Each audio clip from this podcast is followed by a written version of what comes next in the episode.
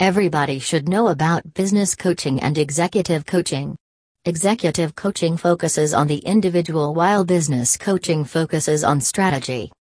Jenn Carrasco is the best business coach and executive coach in the USA.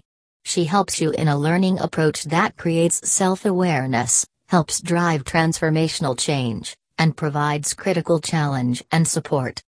If you are looking forward to hiring an executive coach, then visit the official website of Jenn Carrasco,